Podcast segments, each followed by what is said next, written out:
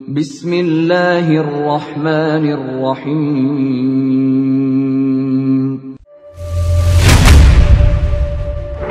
يا أيها الذين آمنوا ادخلوا في السلم كافة.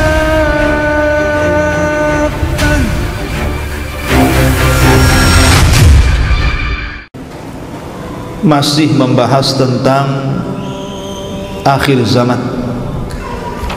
Bicara tentang bulan Ramadan yang akan berlaku di tahun ini.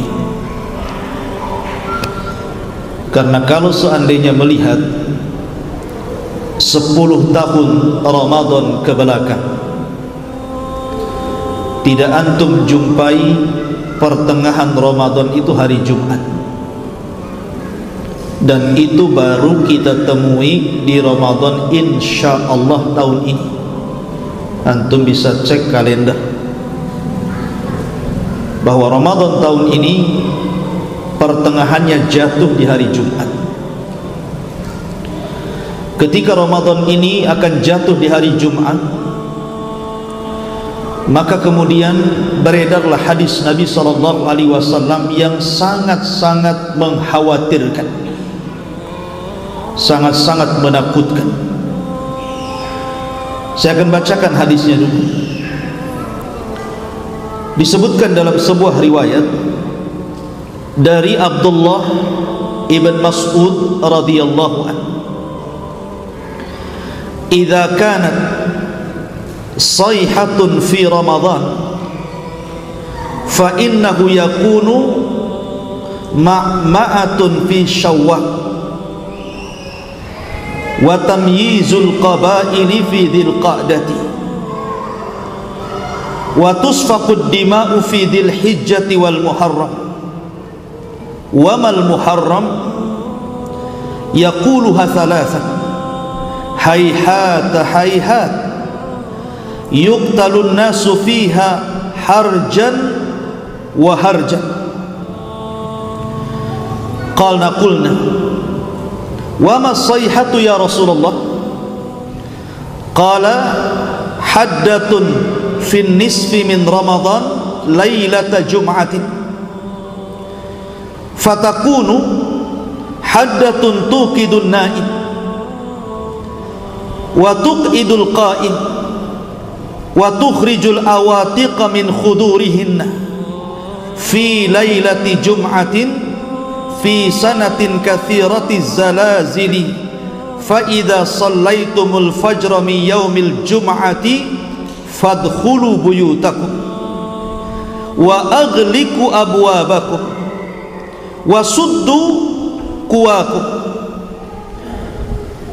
kemudian wadathiru anfusakum wasuddu adhanakum. Fa idza hasastum bis sayhati fakhirru lillahi sujjadan. Wa qulu subhanal quddus.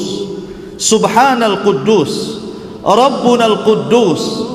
Fa inna man fa'ala dhalika naja wa man lam yaf'al dhalika halaka. Masyurul muslimin yang dimuliakan Allah subhanahu wa ta'ala. Dari Abdullah ibnu Mas'ud Perhatikan hadis ini ngeri kalau kita baca. Apabila terdapat suara yang sangat dahsyat di bulan Ramadhan maka akan terjadi huru hara di bulan sawah. Akan banyak golongan manusia yang saling memisahkan diri dari di bulan Dhul Qa'dah akan terjadi pertumpahan darah di bulan Dhul Hijjah dan juga bulan Muharram. Kemudian Rasul ditanya apa yang harus dilakukan di bulan Muharram? Orang ini bertanya tiga kali. Maka Nabi Shallallahu Alaihi Wasallam bersabda sangat disayangkan sekali saat itu manusia akan saling membunuh dan sangat kacau keadaannya maka kami bertanya lagi apa suara yang dahsyat itu wahai Rasulullah yang akan terjadi di pertengahan Ramadan itu?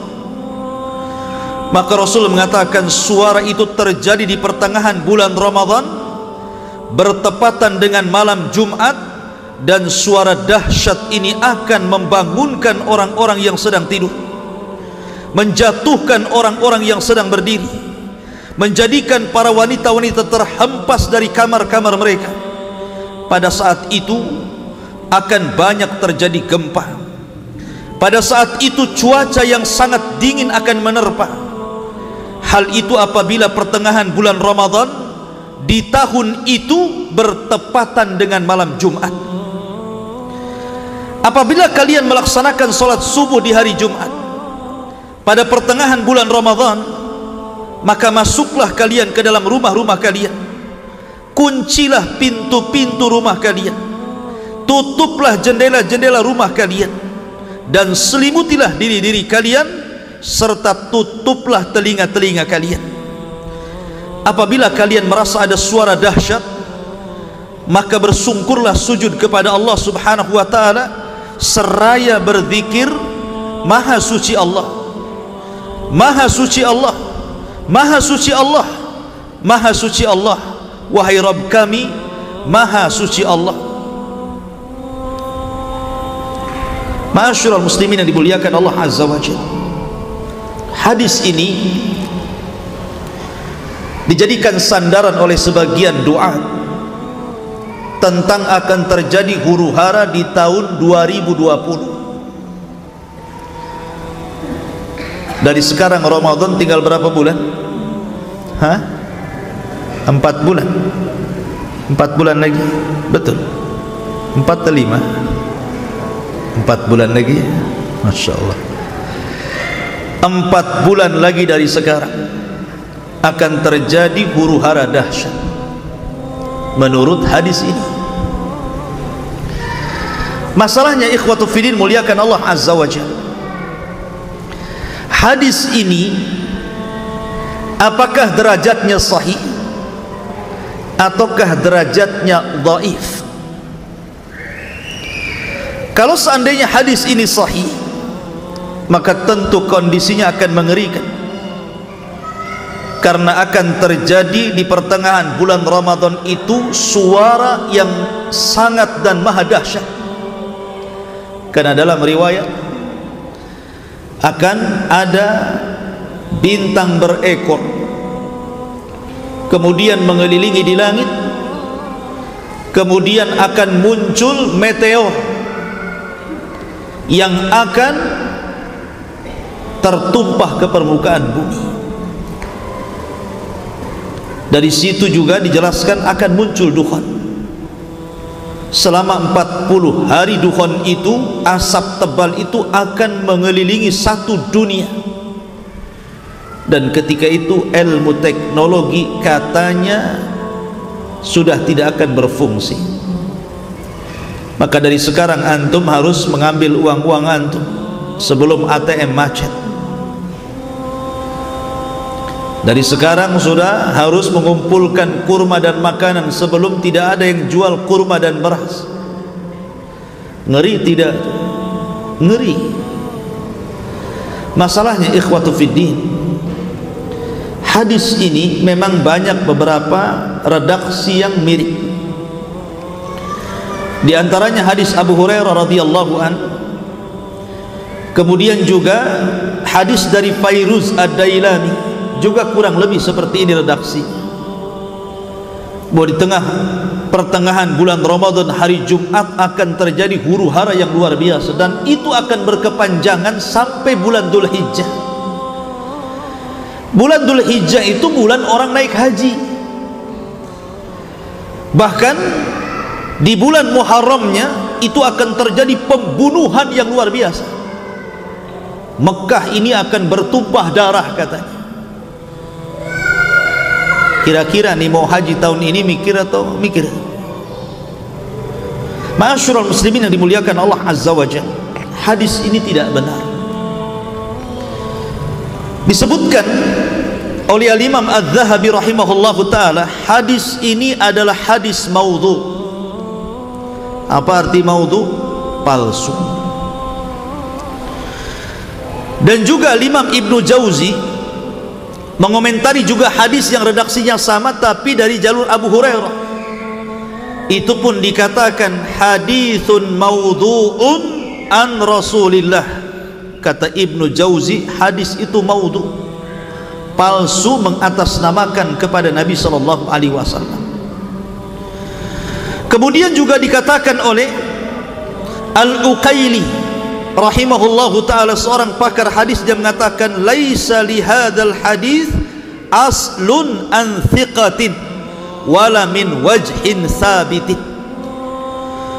kata Imam Al-Uqaili hadis ini tidak ada asalnya dari seorang perawi yang dianggap terpercaya. Bahkan dari segi yang tetap pun tidak ada tidak ada sumbernya hadis ini. Bahkan dikatakan oleh Imam Hakim sahibul mustadrak huwa hadithun gharibul matani. Hadis ini aneh matannya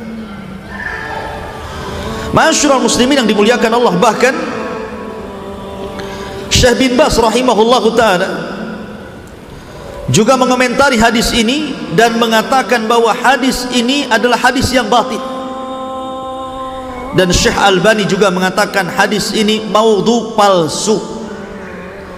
Kalau sudah tahu derajat hadis ini mestinya siapapun yang menceritakan tentang hadis ini kan harus menceritakan tentang derajat hadis kan gitu. Jangan disampaikan begitu saja sebab kalau disampaikan begitu saja ini akan mengkhawatirkan manusia. Bayangkan coba. Sebentar lagi akan terjadi api yang akan menyala di mana-mana akibat meteor yang jatuh ke bumi. Kemudian akan terjadi kepulan asap yang menjadi duhon yang akan meliputi satu dunia dan itu 40 hari kemudian akan terjadi pembunuhan di musim haji. Kemudian ditakut-takuti teknologi akan mati. Coba kalau teknologi mati ikhwatufidin kita ini setiap hari dihadapkan kepada teknologi kan? Sekarang dokter-dokter di rumah sakit itu pakai apa? alatnya, pakai teknologi. Tukang ojek saja jadi gojek ya. pakai teknologi juga jadi semua bank-bank itu pakai teknologi ATM pakai teknologi semua pakai teknologi Lah kalau sebentar lagi tidak ada teknologi, apa ndak pusing manusia itu? Maka kalau seandainya betul-betul hadis ini sahih ya memang sangat mengkhawatirkan sudah kewajiban kita untuk persiapan kan begitu. Tapi rupanya hadis ini maudhu. Hadis ini maudhu palsu. Jangan pernah disebar kecuali antum menyebutkan derajatnya. Hadis ini dhaif, hadis ini sahih, hadis ini hasan enggak apa-apa.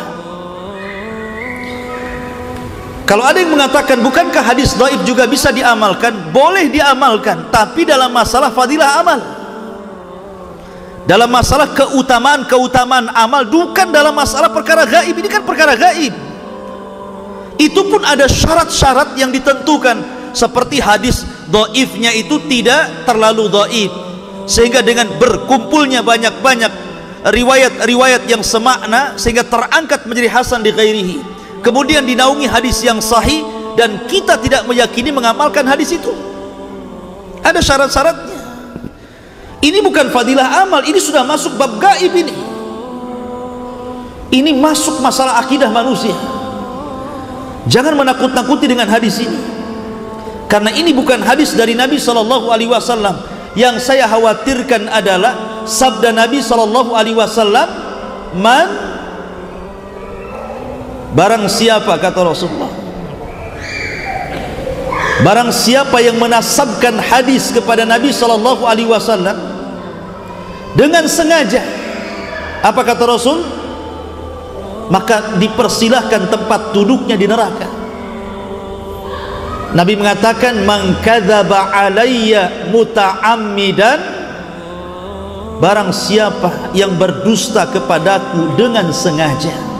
Dia tahu hadis ini dhaif tapi disebarkan. Falyatabawa maq'adahu minan nar. Silahkan seret tempat duduknya masukkan ke dalam neraka. Karena berdusta kepada Rasul itu berbeda dengan berdusta kepada sesama kalian kata Rasul al-kadhibu alayya laisa kakadzibin ala ahad. Berdusta atas namaku itu berbeda dengan berdusta kepada sesama kalian. Karena man kadzaba alayya muta'ammidan fal yatabawa maq'adahu minan nar. Siapa yang berdusta kepadaku secara sengaja silahkan tempat duduknya di neraka.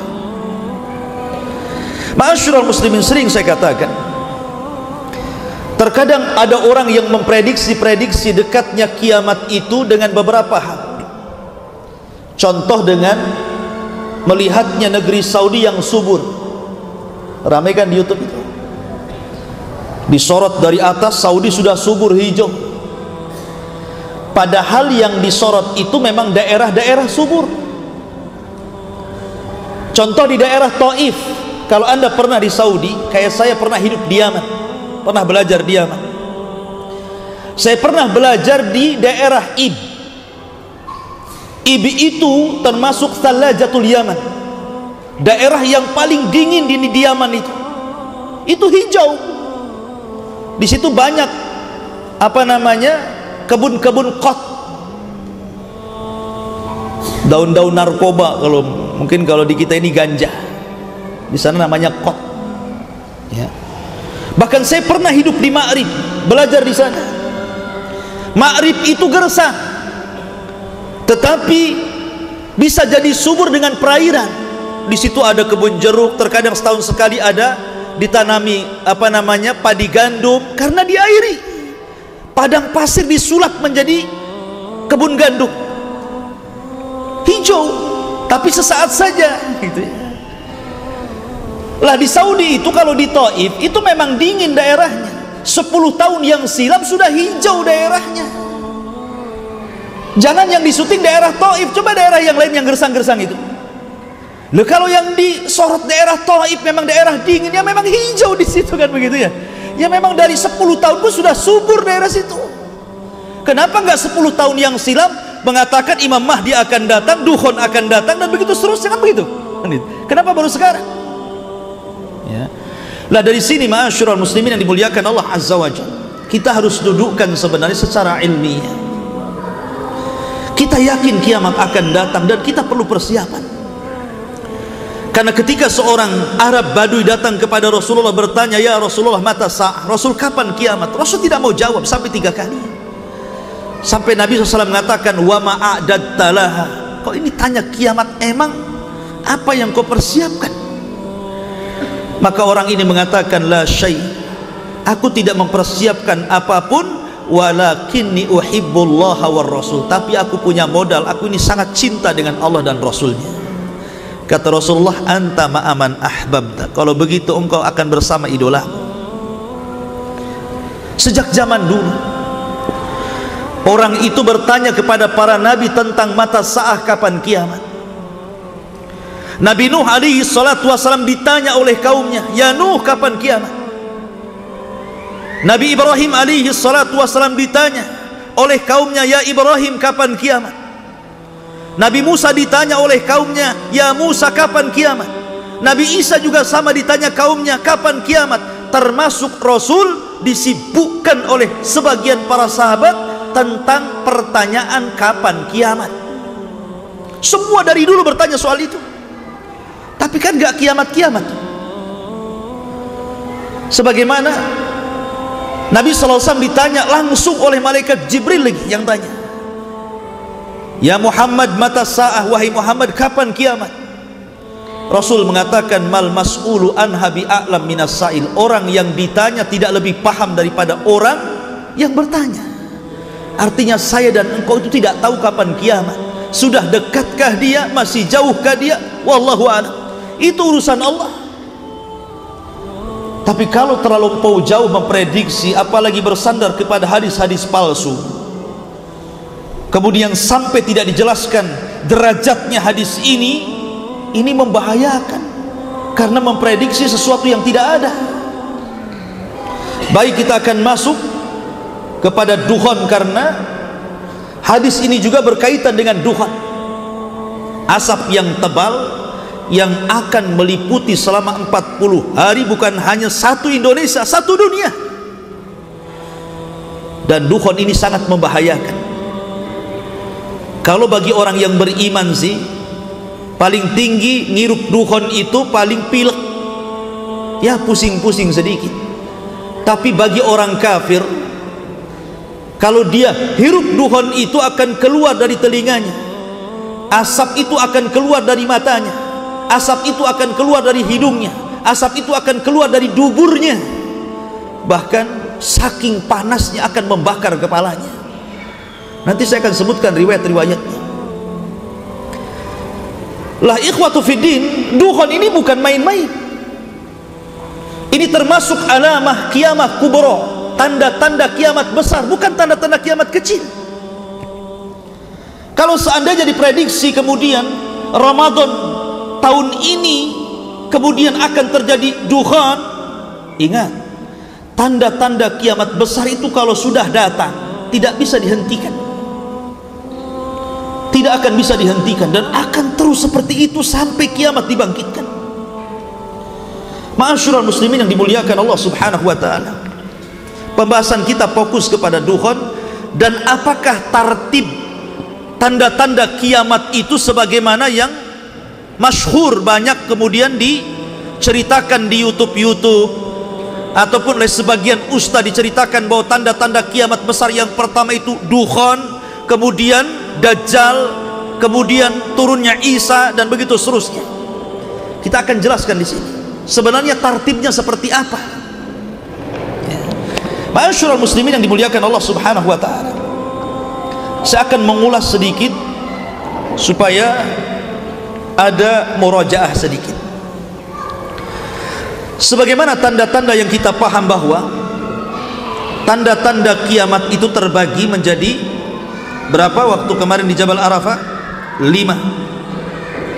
Tanda-tanda kiamat itu ada lima. Satu tanda-tanda kiamat yang sudah terjadi dan tidak mungkin terulang lagi contohnya diutusnya Rasulullah. Wafatnya Rasulullah. Terbelahnya bulan. Wafatnya para sahabat Nabi sallallahu alaihi wasallam. Kemudian kabar Rasul tentang peperangan di Siffin. Perang antara Muawiyah dan kubu Ali radhiyallahu anhu dan juga beberapa tanda-tanda kiamat kecil dan ini tidak mungkin terulang sudah terjadi dan tidak mungkin terulang. Kemudian yang banyak ini adalah tanda-tanda yang sudah terjadi dan akan terus terulang-ulang sampai hari ini. Seperti contohnya Baitul Fathu Baitul Maqdis. Pembebasan Baitul Maqdis itu pernah terjadi di zaman siapa? Umar Ibn Khattab. Kemudian juga terjadi di, di zaman Salahuddin Al-Ayubi kemudian nanti di akhir zaman akan dikuasai oleh al-imam al-mahdi. Nanti di akhir zaman. Apakah di tahun 2020 imam mahdi muncul? Sudah saya jelaskan di Jabal Arafah. Antum lihat youtube Humairah channel. Kemudian juga kematian. Kematian yang mendadak. Itu akan terus terulang seperti apa kematian mendadak Ustaz? Seperti lagi tenang-tenang makan tiba-tiba gempa mati dia ditimpa rumahnya. Tiba-tiba kena longsor, tiba-tiba ditabrak orang. Itu mati mendadak namanya. Enggak sempat persiapan. Ya. Dan itu akan terulang. Kemudian munculnya Khawarij. Sejak zaman terbunuhnya Utsman kemudian muncul melembaga di zaman Ali radhiyallahu an khawarij itu akan ada sampai hari ini. Bahkan Rasul mengatakan yang terakhir khawarij itu akan mengikuti dajjal. Dan itu akan terus terulang. Kemudian juga banyaknya peperangan pembunuhan sesama kaum muslimin. Gara-gara perkara kecil bunuh-bunuhan. Bahkan yang lebih sadis ada anak membunuh orang tua atau sebaliknya padahal dia muslim atau muslimah. Kemudian juga dia ul amanah hilangnya amanah. Kemudian juga anak yang durhaka dengan orang tua. Kemudian orang ber, berlomba-lomba membangun bangunan tinggi-tinggi. Kemudian juga jeleknya perekonomian kemudian persaksian palsu kemudian banyaknya orang bakhil kemudian diangkatnya ilmu sedikit demi sedikit kemudian juga seorang istri ataupun seorang suami yang durhaka kepada orang tua karena istrinya. Itu alamat kiamat juga suami durhaka sama orang tuanya gara-gara istrinya. Ya. kemudian juga termasuk dihalalkannya zina dihalalkannya sutra untuk laki-laki. Kemudian juga masjid dimegah-megahkan tapi kosong kemudian menara ditinggi-tinggikan mushaf mulai ditinggalkan. Kemudian juga banyaknya orang yang hafal Quran tapi ahli fikih sedikit para ulama sedikit. Termasuk juga ketika para pemimpin dipegang oleh orang-orang jahil. Kemudian dekatnya zaman. Tahu-tahu sore tahu-tahu siang tahu-tahu pagi tahu-tahu ngaca dah tua. Itu kan karena cepat zaman itu. Ya kemudian juga terlalu dekatnya pasar. Sekarang kalau antum ke pasar tidak perlu ke pasar. Mau pesan apa? Pizza. Di rumah. Sudah ada aplikasinya datang tuh tinggal bayar. Ya. Ini terjadi perang nih di luar. Ini. Rame banget. Ya. kemudian juga banyaknya dusta banyaknya gempa. Kemudian juga banyaknya gerhana kemudian banyaknya perempuan. Perempuan menyerupai laki-laki laki-laki menyerupai perempuan. Dan banyaknya fitnah di mana-mana. Ini tanda-tanda akan terulang-ulang tuh yang seperti ini. Kemudian yang ketiga ada alamat yang belum terjadi. Dan itu mendekati kepada kiamat besar. Mendekati kepada tanda-tanda kiamat besar. Seperti contohnya apa? Munculnya Imam Mahdi dikuasainya Baitul Maqdis dan akan menjadi pusat kekuatan kaum muslimin. Kemudian fitnah ahlas dan sudah saya jelaskan di sini. Fitnah sarrah fitnah duhaimah. Kemudian juga pertolongan kepada kaum muslimin yang kemudian akan dimenangkan ketika perang di Malhamatul Kubra. Termasuk juga pohon batu akan bicara bertasbih. Dan ini belum terjadi. Dan nanti akan terjadi. Kemudian yang keempat ataupun seperti malhamatul kubra itu pun tanda-tanda kiamat. Kemudian juga manusia kembali ke panah, ke pedang, ke tombak gitu ya. Kemudian juga apanya kembalinya khilafah nubuah di tangan Al-Mahdi itu juga tanda-tanda kiamat. Termasuk juga kembalinya orang Arab menyembah berhala. Termasuk juga disebutkan oleh sebagian para ulama di mana seseorang sudah susah untuk bersedekah. Lah ini tanda-tanda kiamat belum terjadi. Kalau susah bersedekah oh banyak orang penerima sedekah ya. Yang sedekah sekarang yang enggak ada ada tanda-tanda kiamat kecil itu dia berada di tengah-tengah tanda-tanda kiamat besar. Dan itu yang keempat. Seperti penghancuran Ka'bah yang sudah saya sebutkan oleh siapa? Dhu ini seorang laki-laki dari Ethiopia. Ataupun diangkatnya Al-Quran diangkatnya musab dari dada-dada dan dari tulisan. Bahkan Rasul mengatakan nanti akan ada satu malam Al-Quran akan diangkat tulisannya dan hafalannya sehingga baca Quran hilang tulisannya. Mau ngapal Quran hilang hafalannya. Kemudian Islam akan hilang dan tinggal namanya. Kemudian juga akan datang seorang laki-laki dari Qahtan yang akan memimpin di akhir zaman. Termasuk juga akan datang seorang laki-laki yang dikenal Al-Jahjah dan itu tanda-tanda kiamat kecil di antara tanda-tanda kiamat besar. Adapun tanda-tanda kiamat besar sudah ma'ruf. Nanti saya akan sebutkan urutannya. Taib kita masuk pada permasalahan kita. Dukhan apa itu dukhan di dalam Al-Quranul Karim antum bisa baca di dalam surah dukhan surah dukhan ayat yang ke-10 sampai 16 Allah Subhanahu wa taala berfirman fartaqib yauma ta'tis sama bidukhanin mubin. Yaghshan nas hadza adzabun alim. Rabbana kshif anna rabbana kshif anna al-adzaba inna mu'minin. Anna lahumudz dzikra wa qad rasulun amin. Thumma tawalla anhu wa qalu muallamun majnun. Qalilan innakum a'idun. Allah Subhanahu wa taala berfirman kepada Rasulullah fartaqib tunggulah wahai Muhammad pada hari di mana langit akan dipenuhi dengan asap yang sangat tebal yang akan meliputi manusia dan inilah azab yang sangat pedih kemudian mereka pun berdoa agar azab itu dihilangkan ya Rabb hilangkan azab itu dari kami dan kami akan beriman Kemudian Allah mengatakan anna lahumudz dzikra wa qad ja'ahum rasulun amin. Bagaimana mungkin bagaimana mungkin menerima peringatan padahal sebelumnya telah datang seorang rasul yang amanah kepada mereka.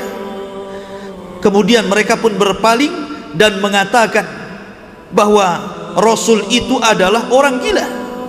Maka Allah mengatakan sesungguhnya kami yang telah menghilangkan azab tapi kembali kalian menjadi ingkar yauma nabshitul yauma nab tishul batshatal kubra inna muntakimun kami akan menghantam mereka dan kami akan membalas dengan balasan yang setimpal ikhwatu fidin surah dukhan ini adalah dalil dari Al-Quran tentang adanya asap Adapun dalam hadis Nabi Shallallahu Alaihi Wasallam banyak sekali. Di antaranya adalah hadis Abu Hurairah radhiyallahu an. Nabi Shallallahu Alaihi Wasallam bersabda, "Badiru bil a'mali sittan." Segeralah kalian beramal sebelum datang enam perkara.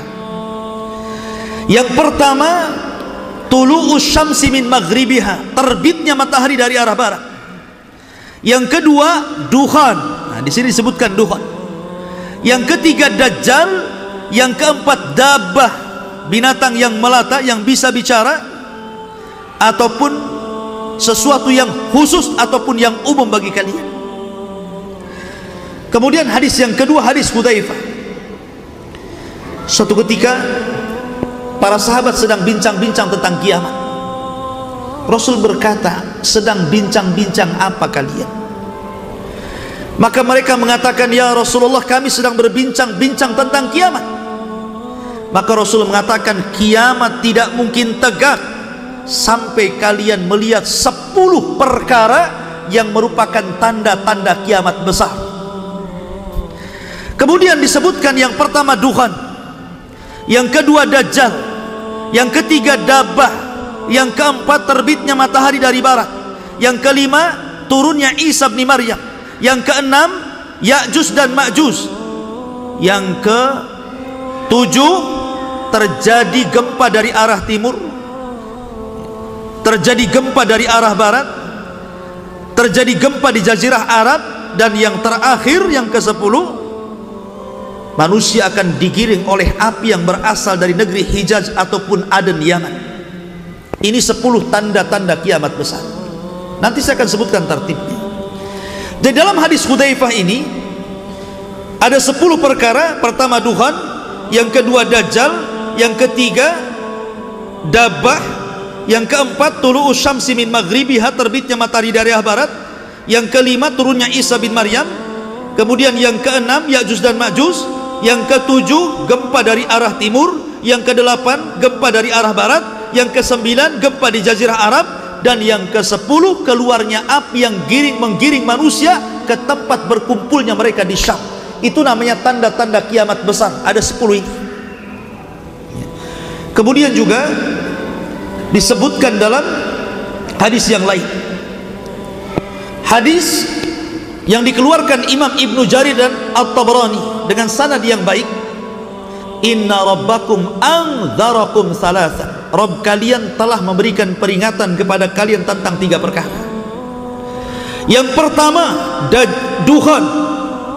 Yang akan mengambil seorang mukmin seperti pilek tetapi ya'khudul kafir. Kalau sampai kemudian dukhon ini mengenai orang kafir fayantafihu kemudian dihirup dia yakhruj min kulli masma'in minhu. Maka akan keluar asap dari telinga-telinga mereka. Dalam riwayat dari hidung mereka dari mata mereka bahkan dalam riwayat dari dubur mereka. Bahkan dalam riwayat bahwa apabila asap itu melanda mereka maka kepala-kepala mereka akan terbakar sampai sedemikian. Dan tidak perlu saya sebutkan semua hadis-hadisnya kemudian sekarang apa sih dukhon itu? Apa sih makna dukhon itu? Dukhon itu dalam bahasa Arab artinya adalah kalau ada kayu yang dibakar kemudian asap yang mengepul ke atas itu namanya duhan makanya orang yang merokok disebut tadkhin dilarang merokok artinya mamnu'ut tadkhin ya. itu secara bahasa. Ataupun orang Arab mengatakan kalau ada debu yang naik ke langit maka mereka mengistilahkan dengan kalimat duhan. Itu secara bahasa. Dan Nabi sallallahu alaihi wasallam bersabda dalam sebuah hadis dari Ibnu Mas'ud radhiyallahu an khamsun qad madaina kata Abdullah bin Mas'ud radhiyallahu an lima perkara sudah berlalu dari kita. Yang pertama al-lizam yang kedua ar-rum. Yang ketiga batsyah. Yang keempat al-qamar. Dan yang kelima duhan pertama lizam artinya lizam itu kehancuran bagi orang-orang kafir di badan dan Allah mengatakan faqad kadzabtum fasawfa yakunu lizama. Kemudian yang kedua Rum. Maksudnya adalah Romawi yang mengalahkan Persia yang sebelumnya Persia mengalahkan Romawi. Maka Allah subhanahu wa ta'ala turunkan ghalabatir rum fi adnal ardi min ba'di ghalabihim sayaglibun. Dan seterusnya ayat ini bahwa Romawi mampu mengalahkan Persia sebelumnya Persia mengalahkan Romawi. Kemudian Batsyah juga kehancuran orang-orang musyrik di Badar. Kemudian Al-Qamar bulan maksudnya bulan terbelah menjadi dua. Kemudian Duhan Duhan ini juga sudah terjadi. Kata siapa? Abdullah bin Mas'ud. Kapan itu? Ketika orang-orang musyrik melambat-lambatkan untuk masuk Islam kemudian Rasul berdoa ya Allah timpakan kepada mereka pacaklik selama tujuh tahun seperti pacaklik Yusuf. Akhirnya betul-betul ditimpakan pacaklik maka datang Abu Sufyan kepada Rasulullah supaya berdoa kepada Allah dan supaya Allah mengangkat pacaklik itu. Saking tidak adanya makanan saking tidak adanya minuman sebagian mereka hampir mati kelaparan kemudian mata mereka berkaca-kaca melihat ke langit itu seolah ada asapnya. Itulah yang dimaksud duhon kata Abdullah bin Mas'ud.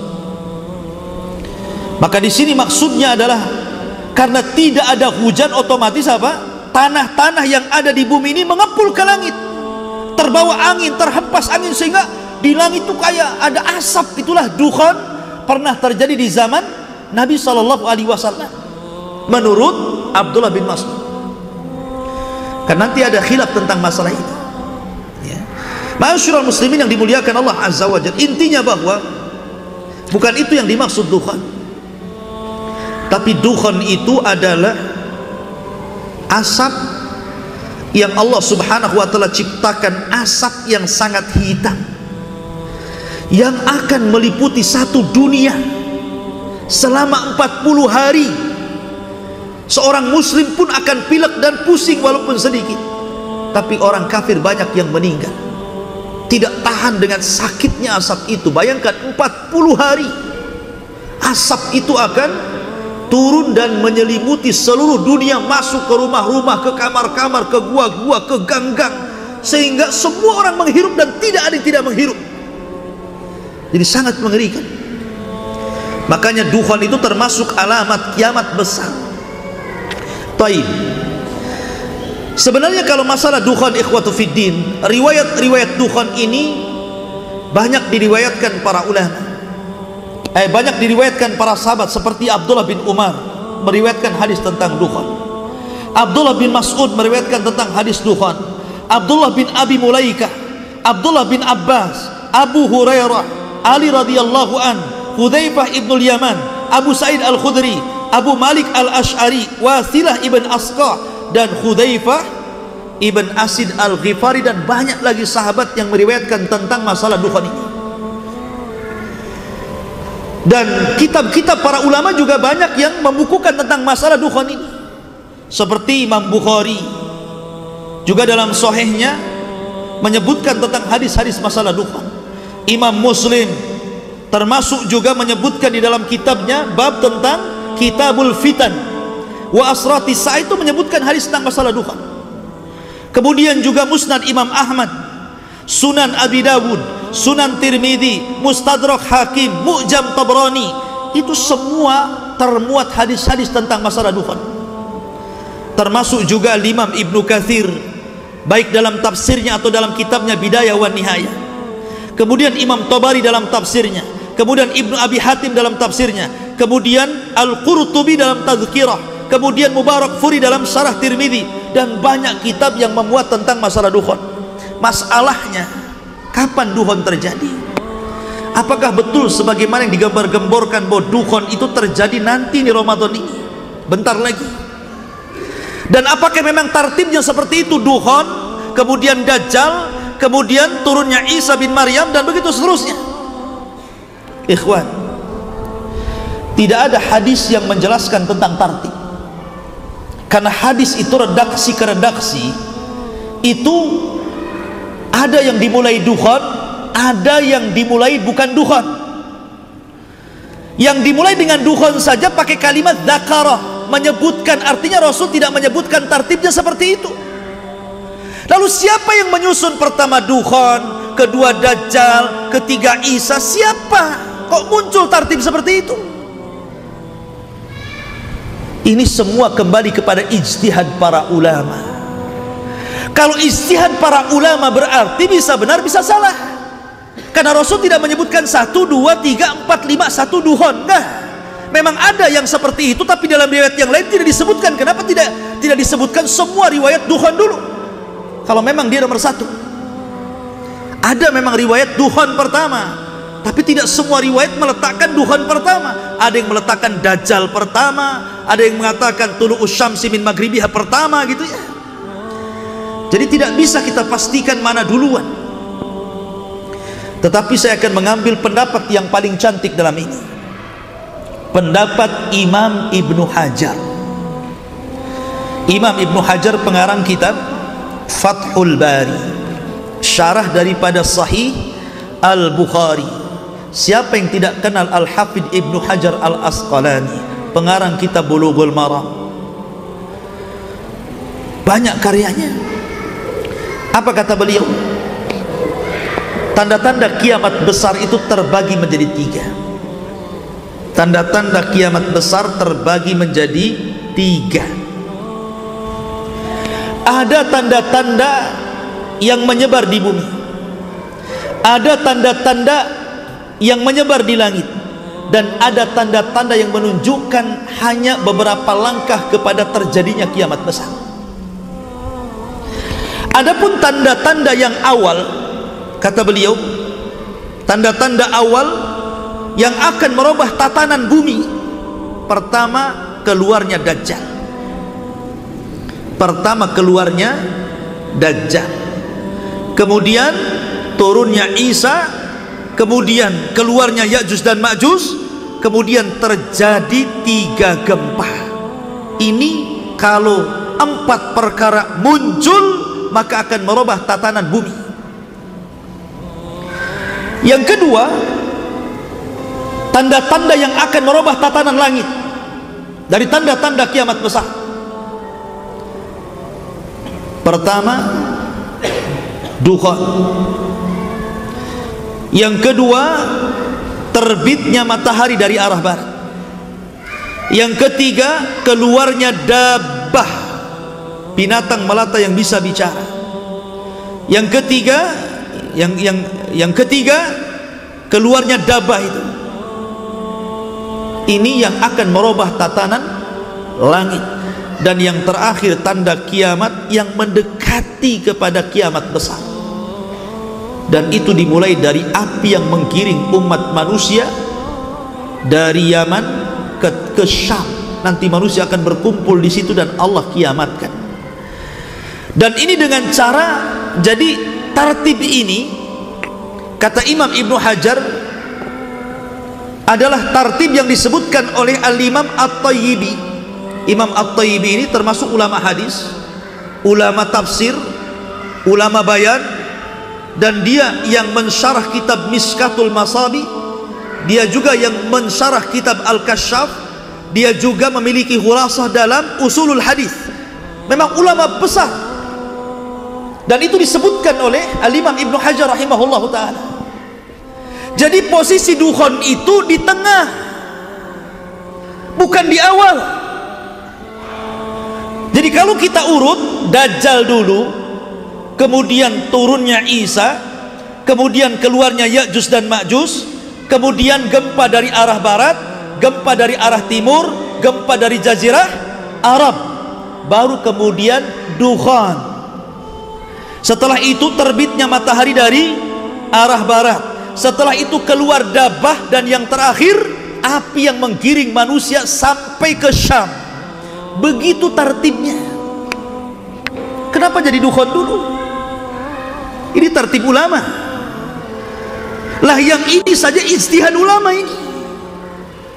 Karena dalam masalah tertib ini ulama sangat dahsyat perselisihannya. Tidak bisa diprediksi ini yang pertama ini yang kedua ini yang ketiga. Semua punya prediksi masing-masing. Punya tertib masing-masing maksudnya. Jadi jangan kemudian seolah-olah pasti akan terjadi dukhan di tahun 2020 ya memang ada sebagian orang yang memastikan ada yang kemudian tidak memastikan. Yang tidak memastikan dari segi bahasa seolah-olah memastikan masalahnya kan begitu? Ya. bahasa retorikanya itu seolah-olah memastikan padahal dia sudah ngomong ya mudah-mudahan prediksi dia salah. Tapi habis itu kemudian menakut-nakuti manusia. Begini, begitu, begini. Harus kumpulkan kurma. Satu tahun nanti kalau kelaparan kan sudah banyak kurma katanya ikhwatu fiddin ini perkara gaib. Ya. Ini bukan perkara-perkara enteng. Ini perkara keyakinan. Ma'asyiral muslimin yang dimuliakan Allah azza wa jalla. Adapun tentang masalah perselisihan dukhan. Pertama ulama mengatakan bahwa dukhan itu sudah pernah terjadi dukhan itu pernah terjadi. Kapan? Di zaman Nabi Shallallahu Alaihi Wasallam dan itu adalah pendapat siapa? Pendapat dari Abdullah bin Mas'ud. Sudah terjadi dukhan itu. Dan pendapat Abdullah bin Mas'ud ini dikuatkan oleh Imam Ibnu Jarir At-Tabari. Dia kuatkan pendapat Ibnu Mas'ud ini. Bahwa dukhan sudah terjadi dan tidak mungkin ada lagi. Sebagaimana hadis Nabi Shallallahu Alaihi Wasallam apa namanya perkataan Abdullah bin Mas'ud yang tadi saya katakan ada lima perkara yang sudah berlalu. Salah satunya dukhan kemudian pendapat yang kedua. Dan ini pendapat kebanyakan atau mayoritas para ulama salafan wa khalafan. Baik ulama salaf atau ulama yang khalaf yang sekarang. Seperti dahulu Ali bin Abi Talib kemudian Abdullah bin Abbas kemudian Abu Sa'id Al-Khudri dan ini juga dikuatkan oleh Al-Hafidh Ibnu Kathir Abdullah bin Umar juga berpendapat seperti ini ya. Dukhon itu kata mereka anna dukhan huwa minal ayatil muntadhar allati lam ta'tiban dukhon itu adalah tanda-tanda dari tanda-tanda kiamat besar yang belum terjadi kapan terjadinya? Nanti sebelum matahari terbit dari arah barat. Bukan dari permulaan. Ya. ini pendapat yang kedua. Pendapat yang ketiga menggabungkan dua pendapat ini. Bahwa dukhon itu ada dua. Ada dukhon yang sudah terjadi di zaman Rasul dan ada dukhon yang merupakan tanda-tanda kiamat dan itu akan terjadi nanti. Dan ini adalah pendapat An-Nawawi kemudian Imam Qurtubi dalam tafsirnya dan juga At-Tabari. Juga menguatkan pendapat ini. At-Tabari punya dua kata-kata. Dia menguatkan pendapat Abdullah bin Mas'ud dan juga dia menguatkan pendapat ini.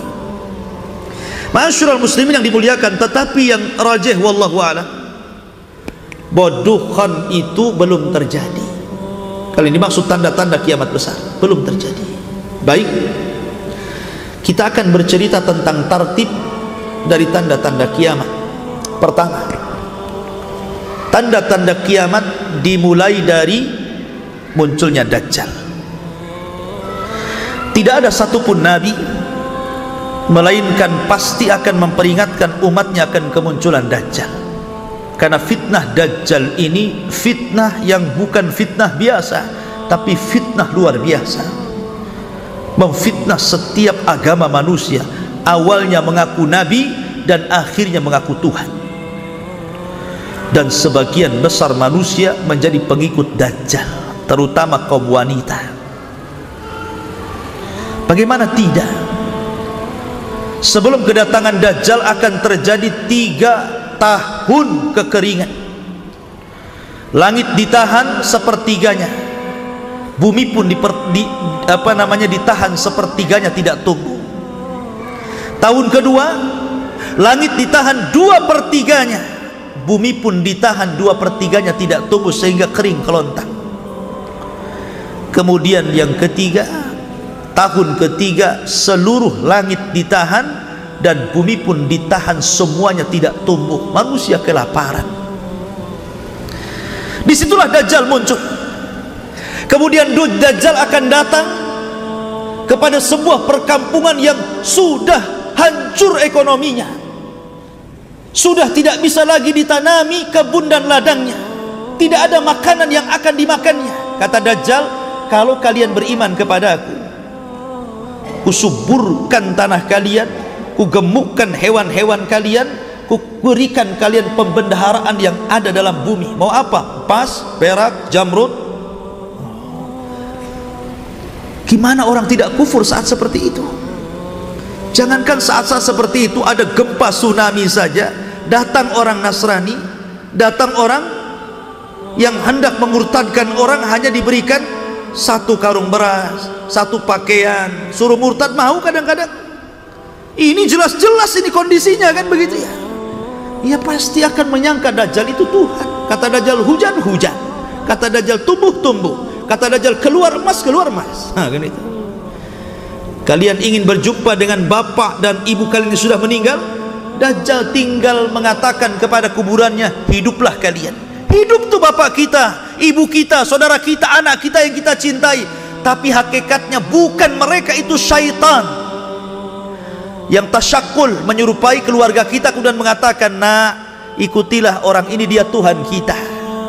Jadi banyak orang yang ikut Dajjal dari sinilah kenapa kita disuruh berlindung dari Dajjal setiap kita sholat di penghujung sholat kita sebelum salam kita berlindung dari fitnah Dajjal setiap hari Jumat kita disuruh membaca awal atau akhir 10 surah Al-Kahfi dalam rangka perlindungan Dajjal.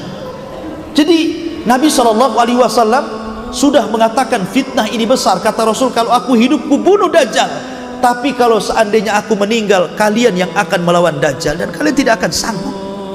Karena Dajjal tidak bisa mati kecuali seorang Nabi yang membunuhnya. Isa bin Maryam. Kemudian Dajjal berhasil mengalahkan Imam Mahdi sehingga Imam Mahdi harus tinggal di Bukit Tur dan para prajuritnya yang bersembunyi ketika kemudian tidak ada jalan lain kecuali harus jihad mati syahid atau hidup mulia maka ketika menjelang subuh turunlah Isa bin Maryam. Tugasnya Isa itu yang pertama kali membunuh Dajjal. Selama 40 tahun dia akan tinggal di bumi. Lain dengan Imam Mahdi 7 tahun saja.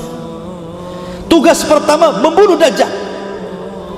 Baru ada tugas yang lainnya membunuh babi mematahkan salib dan akan memimpin kaum muslimin dan akan memasukkan Islam sebagian ahli kitab.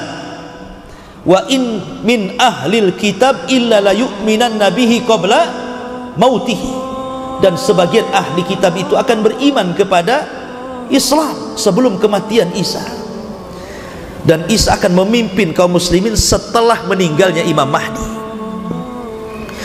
Ketika di zaman Isa inilah belum lagi Isa wafat Allah kemudian hancurkan benteng yang dibangun oleh Zulkarnain di balik benteng itu ada dua kabilah besar. Satu kabilah Ya'juj dan yang kedua kabilah Ma'juj. Jumlah mereka banyak. Satu di antara kita 999 dari mereka. Banyak. Kata Rasul, kaum ini tidak bisa diperangi dan tidak bisa dibunuh. Saking banyaknya sehingga kemudian banyak orang-orang yang di luar rasnya dibantai, dibunuh dan dimakan. Kanibal sampai merasa bahwa dia sudah membunuh di luar rasnya tidak ada satupun hidup orang-orang yang hidup di bumi dia sombong kemudian menatap langit dan mengatakan kotal naman fil ardi sanak tuluhuman fis sama. Kami sudah membunuh semua orang yang ada di bumi kau juga ya yang di langit kami akan bunuh juga katanya. Maka mereka mengarahkan tombak panah lembing dilempar. Wa makaru makran wa makarna makran wallahu khairul makirin. Mereka hendak membuat makar. Allah pun buat makar. Panah mereka disedot sampai tidak kelihatan di balik awan. Kemudian dikembalikan lagi seolah-olah ujungnya sudah berlumuran darah. Pada Allah sengaja membuat itu. Tidak ada orang yang mati. Maksudnya tidak ada makhluk yang mati di langit. Tapi mereka makin sombong sombong sombong seolah-olah sudah membinasakan orang yang di langit maka di situlah Allah tampakkan kekuatannya. Allah kirim satu makhluk kecil namanya nagaf. Ulat. Masuk di tengkuknya. Satu mati-mati semua. Kan gitu. Allah kok dilawan? Mana ceritanya? Siapa yang bisa melawan Allah? Ketika Yajus dan Majus habis semuanya meninggal dunia karena dianggap oleh Allah subhanahu wa ta'ala dengan ulat maka kemudian Allah kirim burung-burung besar mengangkat jasadnya dilempar tah ke mana wallahu alam tah ke lautan tah berantah di mana. Tapi kemudian Allah turunkan hujan Allah bersihkan lagi bumi sehingga Isa bin Maryam dikembalikan lagi dalam kehidupan yang luar biasa. Tu baliman asya ba'dal masih. Beruntung orang-orang yang hidup di masa Isa bin Maryam hidup. Di mana cangkang delima bisa masuk orang di dalamnya belum tahu cangkang delima? Sebesar apalah delima itu? Kalau cangkangnya orangnya bisa masuk berarti delimanya besar. Seperti itu buah-buahan itu. Berarti kalau buah durian antum bisa tidur tuh di cangkangnya itu. Artinya bahwa itu barokah betul-betul barokah. Dikembalikan lagi bumi itu sebagaimana aslinya. Berkah di mana-mana sampai Isa bin Maryam kemudian meninggal dunia. Setelah Isa bin Maryam kemudian meninggal dunia maka kemudian manusia kembali sebagian mereka kufur dan sebagian mereka tetap beriman. Lah ketika itu orang dihebohkan karena di daerah yang sangat jauh nun di sana di daerah barat. Hashfun bil Masyid di daerah timur. Rupanya Allah subhanahu wa ta'ala kirim gempa bukan hanya menghancurkan satu desa. Kayak Lombok itu kan satu kabupaten tuh. Jadi bubur tuh. Ini bisa menghancurkan satu negara. Dari timur terdengar ada gempa satu negara rata. Maka Orang pun heboh dengan berita tentang ada gempa yang bisa menghancurkan negara-negara. Baru saja mereka mendengar di arah timur itu terjadi gempa yang dahsyat. Eh dari barat pula mereka mendengar bahwa sama di barat juga terjadi gempa hebat sehingga menghancurkan negara-negara. Setelah itu rupanya di jazirah Arab pun terjadi gempa di mana-mana satu dunia sehingga orang kemudian kesulitan tempat tinggal, kesulitan ekonomi, keadaan mereka miskin. Mulailah kemudian mereka semakin semakin jauh, maka sebagian mereka semakin kufur, tapi ada juga yang masih istiqamah di situ. Maka dalam kondisi seperti itu, tiba-tiba Allah mengingatkan mereka agar mereka tobat fartaqib yauma ta'ti sama bidukhanin mubin. Di sini letak duhan. Bukan di awal. Di sini letak duhan. Allah tiba-tiba mengirimkan duhan. Satu dunia gelap dengan asap. Asap ini masuk ke rumah ke gang ke gua ke jalan. Tidak ada satupun kecuali menghirup duhan. Setiap hari setiap hari banyak orang yang meninggal gara-gara menghirup dukhan ini. Masyurul muslimin yang dimuliakan Allah subhanahu wa ta'ala. Akhirnya mereka pun mulai sadar. Mereka sudah jauh dari Allah azza wa jal mereka berdoa Rabbana kshif anna Rabbana kshif anna al-adhab. Inna mu'minun. Ya Allah ini orang-orang yang ahli maksiat ini berdoa ya Allah angkatlah azab ini. Angkatlah asap ini. Kami berjanji akan beriman. Akhirnya Allah subhanahu wa ta'ala pun mengangkat azab itu hanya 40 hari saja duhan itu. Tapi sudah banyak orang mati sudah banyak terbakar kepalanya terpanggang seperti kepala ikan. Ya. maka ketika duhan sebenarnya duhan itu alamat terakhir bagi orang yang ingin bertobat. Karena setelah ini akan muncul alamat di mana orang sudah tidak diterima lagi tobatnya. Harusnya ketika dukhon itu dihilangkan Allah subhanahu wa ta'ala yang tadinya berzina berhenti berzina yang tadinya minum khamar berhenti minum khamar yang tadinya nyembar berhala berhalanya dibuang bertobat kepada Allah subhanahu wa ta'ala eh setelah hilang adabnya kufur lagi. Sebagian orang itu. Maka ketika di malam hari yang sangat dingin semua manusia tidur. Ketika datang di waktu subuh orang-orang yang beriman bangun sebagaimana kebiasaan mereka sholat subuh. Tapi orang-orang kafir munafik terlelap tidur. Baru mereka terbangun di jam-jam yang sudah lewat sholat subuh tapi langit masih gelap. Seperti gerhana matahari total. Ditunggu sampai duhur tidak ada juga matahari muncul. Ditunggu sampai asar tidak muncul juga. Ditunggu sampai maghrib tiba-tiba matahari harusnya tenggelam tiba-tiba muncul dari arah barat.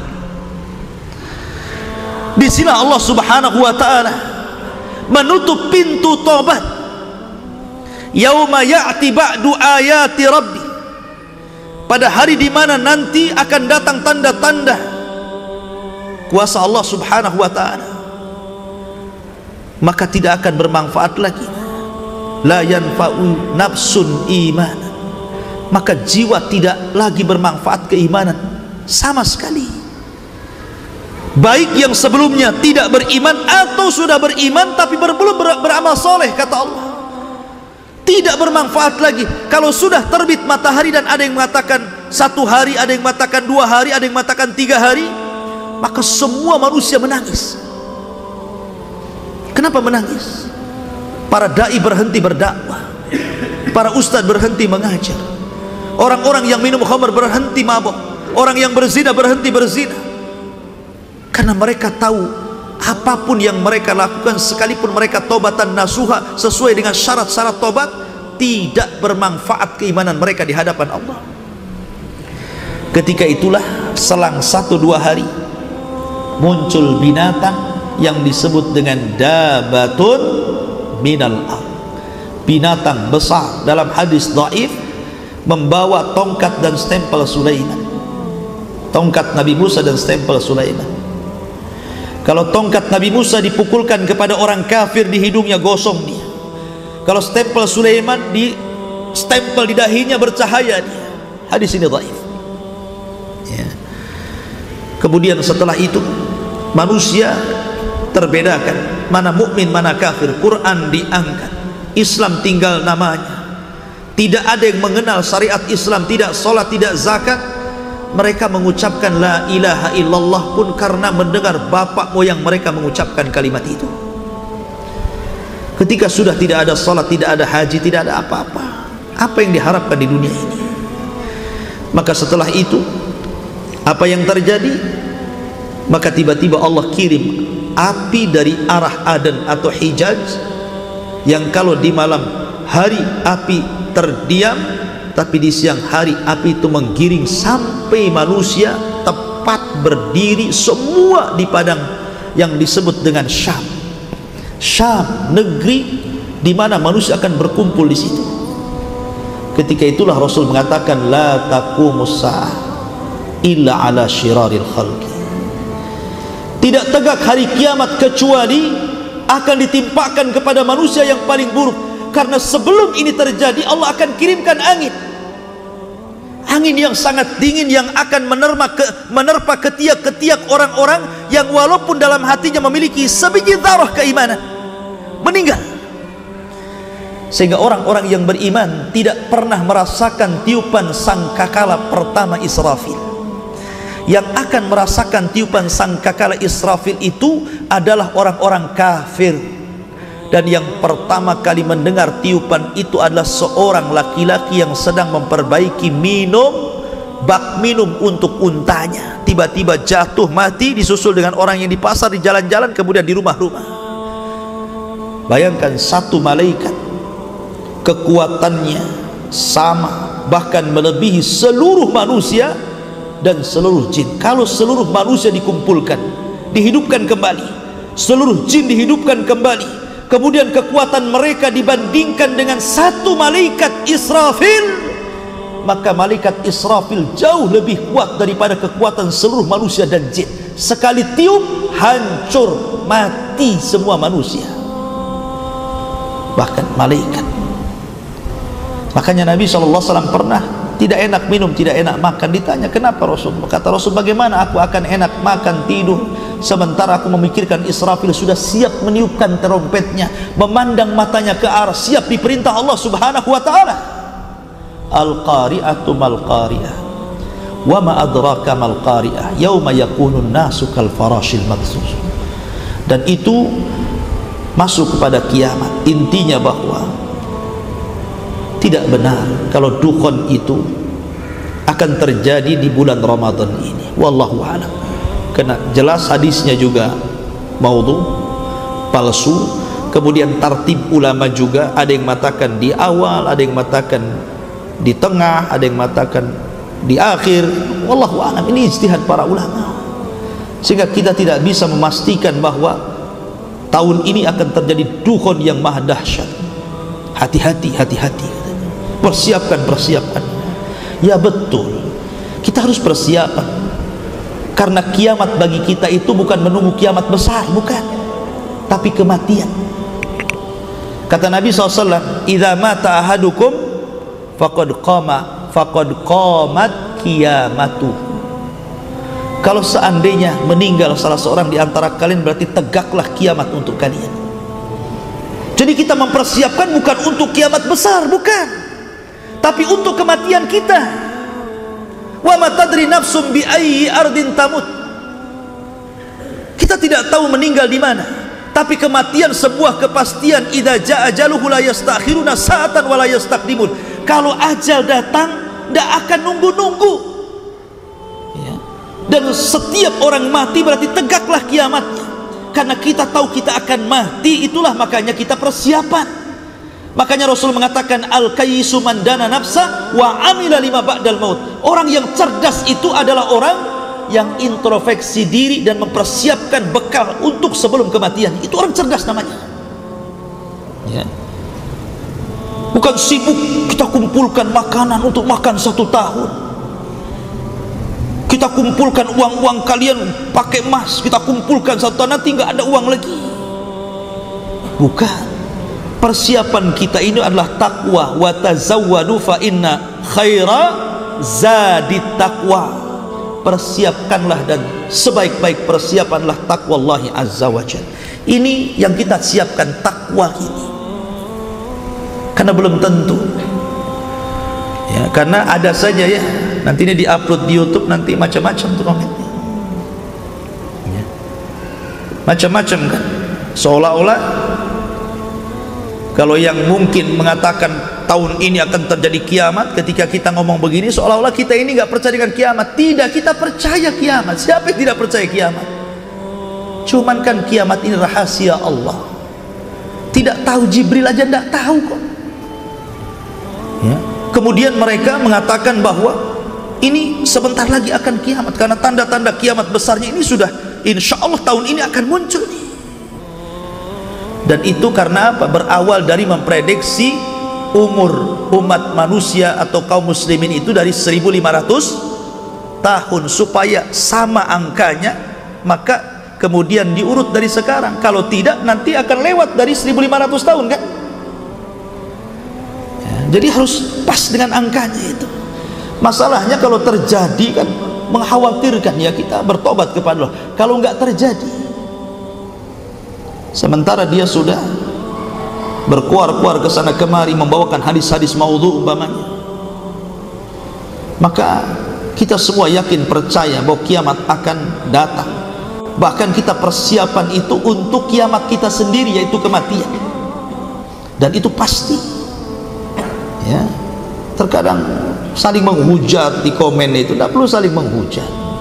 Kita masing-masing belajar masing-masing beramal perbanyak belajar.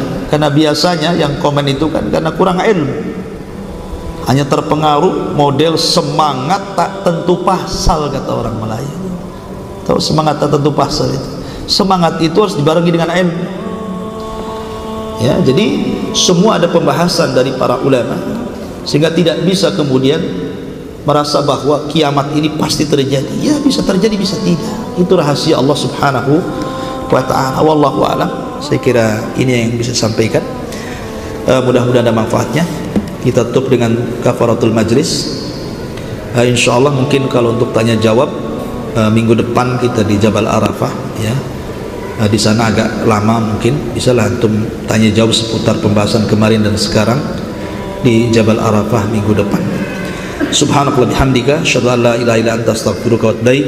Allah ta'ala assalamualaikum warahmatullahi wabarakatuh